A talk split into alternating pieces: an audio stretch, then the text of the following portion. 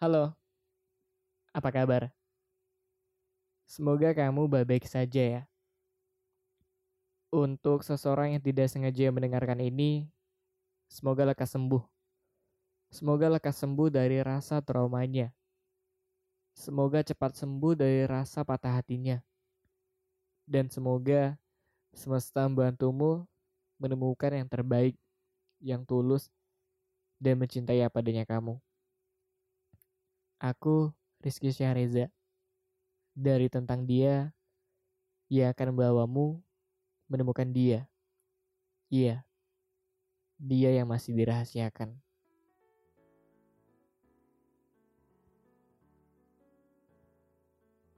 Uh, pada episode sebelumnya, aku membahas tentang teman antara teman dan pacar gitu kan yang di mana kesimpulannya saya ambil itu teman itu teman atau sahabat itu bukan milik kita. Pacar juga bikin milik kita. Melainkan pacar tuh hanya status yang yang bisa dirayakan atau tidak juga tidak apa gitu kan. Tapi di sini aku ingin uh, bertanya pada teman-teman pernah nggak sih uh, kamu pernah nggak sih gini mendengar suatu kata yaitu friendzone. Aku kira sih ya, teman-teman pasti pernah mendengar ya. Dan tahu dengan kata friendzone itu atau arti friendzone itu sendiri gitu. Atau mungkin kalian pernah merasakan atau mengalami friendzone. Tapi aku harap di sini teman-teman jangan sampai mengalami itu ya. Kalau mungkin kalau di fase itu benar-benar mungkin ah gimana gitu kan. Ya udahlah pasrah gitu. Mungkin buat teman-teman yang belum tahu friendzone itu identik dengan perasaan suka berlebih atau rasa sayang yang gak karuan atau singkatnya itu punya rasa yang ingin memiliki lebih dari sekedar teman lebih dari sekedar sahabat. Anjay. Namun naasnya perasaan itu muncul di antara pertemanan. Kan lucu. Eh. Uh, anjir kenapa bisa gitu kan? Ibaratkan tuh aku harus ngapain gitu? Aku harus ngapain? Aku udah temanan begitu lama tapi uh, kenapa ada rasa yang eh uh, gimana gitu ya? Ada rasa yang yang begini coba-coba kalau boleh memilih mungkin aku lebih memilih menyukai kagum atau rasa suka rasa rasa atau rasa sayang sama orang yang random gitu kan bukan sama teman atau singkatnya seperti ini. Random dalam artian bukan di dalam lingkaran pertemanan, bukan dalam lingkungan yang kita kenal atau yang kita sudah tahu gitu kan. Karena posisinya kalau kita suka atau berharap sama teman kita sendiri itu benar-benar kita bingung. Iya enggak sih? Bingung mau ngapain gitu kan. Jadi kayak aku dekatin dia atau enggak ya gitu aku bikin komitmen sama dia atau enggak ya. Tapi kalau aku buat komitmen, ya takutnya bakalan makin banyak konsekuensi yang bakal diambil dan harus siap akan itu. Kalaupun ya aku berani nembak gitu, aku berani mengutarakan perasaan sama dia, eh, kemungkinan ha hanya ada dua, diterima atau ditolak. Kemungkinan ataupun kemungkinan yang ketiga, ya pikir-pikir dulu. Yang kemungkinan terburuknya bakalan jadi canggung gitu kan. Tapi dalam artian friendzone nih uh, mungkin ini adalah anugerah ya. Eh ibaratkan tuh muncul tersendirinya gitu. Muncul sendiri dengan kelakuan atau keseharian kita bersama teman kita yang lebih parahnya gitu uh, sering jalan bareng, sering nonton bareng, sering, sering makan bareng atau di antara pertemanan tuh ada kayak panggilan sayang gitu kan. Uh, nyet nyet nyet atau yang lebih tepatnya kayak body shaming gitu. Indut eh, dut dut EPA gitu kan. Itu kan ibarat kan walaupun itu hal sepele, tapi kalau itu dilakukan berkala, sering dan buat kita tuh kayaknya nyaman, ya kita akan ba akan baper gitu kan. Anjir panggilan ini loh. Apalagi kalau ada apa-apanya tuh ke kita ada apa-apanya ke kita. Ya walaupun tidak 100% kita bakalan baper gitu. Pasti ada jenuh-jenuhnya juga. Tapi yang lebih parahnya adalah uh, status status kita ini hanya pertemanan. Status kita tuh hanya ya friends atau yang dikenal seperti kayak abang ade atau udah kenal banget gitu kan yang di mana kita punya perasaan lebih tapi kita nggak tahu ke depannya entah dia dipinang sama laki-laki lain atau dia dilamar sama laki-laki lain atau dia menikah sama uh, perempuan pilihan dia kita nggak tahu. Jadi itu ibarat kan bingung gitu kan antara kita memendam perasaan kita sendiri atau kita harus mengungkapkan perasaan itu tapi ya tadi ada dua kemungkinan diterima atau ditolak. Atau lebih parahnya yang ketiga jadi canggung. Jadi nggak enak gitu kan. Bisa bakalan itu bisa membuat uh, pertemanan atau tali persahabatan itu bakalan renggang. Bakalan ya gak cocok gitu kan. Kok aneh gitu. Ibaratkan gini pasti si cewek atau uh, teman kita nih bahkan aneh kok bisa sih? Kok bisa kamu suka sama aku gitu kan. Uh, walaupun ya kalau kita lihat di film-film atau di buku-buku kayak uh, Ayu Dia bin Slamet gitu kan per teman dari SMP SMA kuliah eh ujung-ujungnya jadi menikah sama-sama bareng. Tapi kan pasti ada lika-liku kehidupan yang tidak tidak semulus yang kita bayangkan gitu kan. Apalagi kalau teman-teman baca bukunya atau teman-teman e, nonton film filmnya gitu kan. Pasti ada sesuatu ya hal yang eh gimana sih? Kok aku bisa suka? Tapi ketika udah married ketika udah nikah eh gimana sih? Kok ini jadi aneh? Gitu.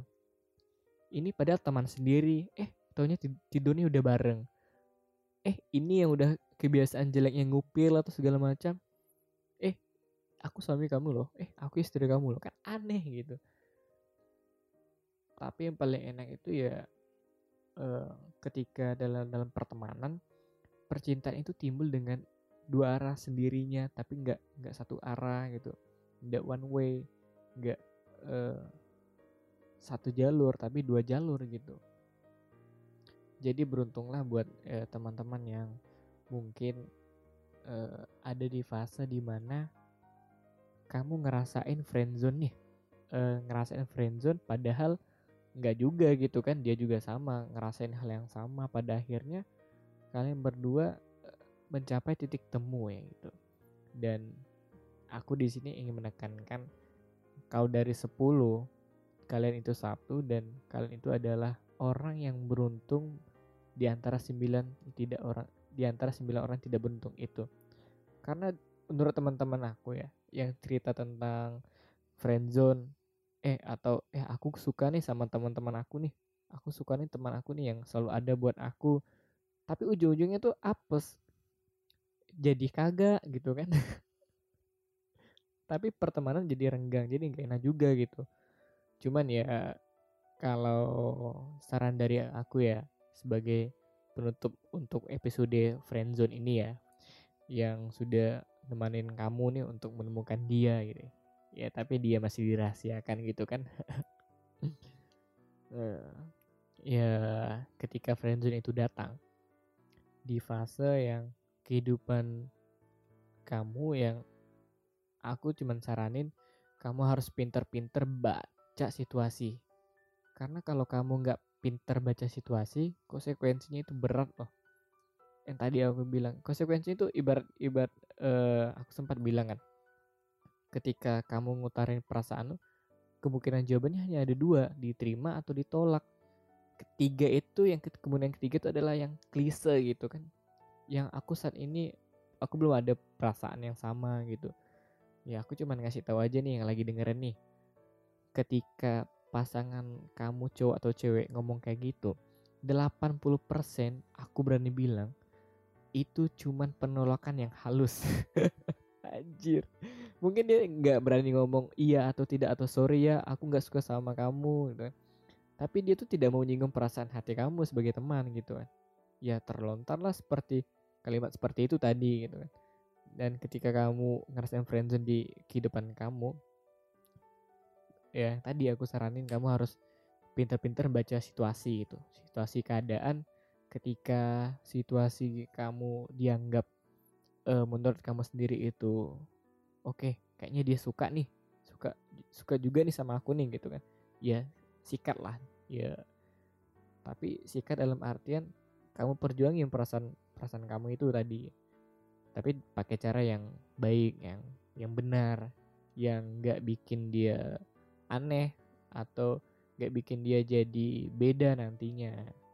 Dan uh, alternatif yang lain yang kamu bisa coba adalah uh, kamu bisa tanya teman-teman dia yang dekat sama dia yang mungkin dekat juga sama dia yang cowok mau cowok mau cewek kamu coba tanyain kamu coba gali informasi tentang dia sebenarnya dia suka nggak sih sama kamu gitu kan? Dan kalau tiba-tiba temannya uh, bilang eh kayaknya enggak nih dia nggak suka sama kamu gitu kan? Uh, dan dia bilang tapi dia lagi suka sama yang ini nih nggak suka sama kamu gitu kan? Nah kalau dia bilang kayak gitu jangan cukup satu survei. Jadi ketika kamu udah nanya temannya gini kan dan temannya bilang ah, dia nggak suka sama kamu dia suka lagi lagi suka sama yang ini. Uh, aku cuma mau bilang uh, jangan percaya untuk satu orang tapi survei lagi tanya ke teman-teman yang lain gitu. Untuk bisa membuktikan uh, untuk membuktikan bisa jadi yang tadi kamu tanya yang pertama ini salah gitu kan. Dan bisa jadi ketika nanya teman yang satunya temannya satunya juga bilang dia juga suka loh sama kamu. Nah ya enggak jadi uh, kemungkinan entah teman yang pertama ini enggak nggak mau gitu kan dia jadian sama kamu gitu kan. Jadi kan ceritanya enggak complicated gitu kan. Makanya survei ke teman-teman yang lainnya lebih banyak observasi teman-teman dia yang uh, yang lebih dekat gitu kan. Dan kamu kumpulin datanya udah semua itu dari data yang kamu dapat. Dan kamu berkesimpulannya adalah sepertinya dia suka sama kamu. Baru kamu kejar. Tapi kalau dia hasil surveinya mengatakan wah kayaknya dia nggak suka sama aku nih. Cuman aku yang suka. Ya saran aku sih mendingan eh, kamu pendam aja perasaan kamu sendiri gitu kan. Gak usah terlalu berharap sama dia daripada kamu paksain ujung-ujungnya ya tadi. Naas dan paling parahnya kamu akan kehilangan dia untuk sama lamanya terjadi canggung itu tadi gitu kan. Karena ya kemungkinan besar ketika dia menolak kamu dia akan ngejauhin kamu gitu. Jadi kayak ngerasain seolah-olah berdosa gitu atau bersalah. Eh kayaknya aku gak enakan nih. Kalau masih dekat uh, seolah-olah aku nih PHP gitu pemberi harapan palsu sama teman sendiri gitu kan. Jadi ya dia ngejauhin kamu gitu. Tapi nggak ya, dan itu juga nggak enak sekali. Yang di mana posisi itu nyaman sudah dekat dekat dengan dia tapi karena keegoisan kamu tapi tapi karena keegoisan kamu yang utarain perasaan ke dia dan dia ninggalin kamu gitu. Jadi ya kalau menurut aku kamu harus pintar-pintar baca situasi sih. Aku bukannya sosokan buat nyeramahin ya. Ini cuman untuk sharing-sharing aja gitu kan pengalaman uh, untuk mengantar kamu sampai menemukan dia yang sebenarnya yang dia yang masih dirahasiakan gitu. Uh, tapi sebenarnya aku pribadi pun apa ya nggak nggak berhasil berhasil banget gitu ketika di fase friendzone karena aku bingung gitu kan antara mau mengutarakan atau enggak gitu kan. Padahal kita tahu cuma ada dua kemungkinan diterima atau ditolak gitu kan. Ya tapi lebih banyaknya aku sendiri pun uh, susah gitu mau mengatakan atau tidak gitu kan. Ya ya udahlah menurut aku ya aku nggak mau perjuangkan itu gitu karena konsekuensinya sangat besar buat aku pribadi gitu. Oke jadi buat episode friendzone ya. Dicukupkan sampai sekian. Semoga uh, kamu bisa menemukan dia. Ya iya dia yang masih dirahasiakan. Aku Rizky Syahreza dari tentang dia. Dengan segudang cerita yang akan membawamu menemukan dia. Iya, dia yang masih dirahasiakan. Sampai jumpa di episode selanjutnya. See you.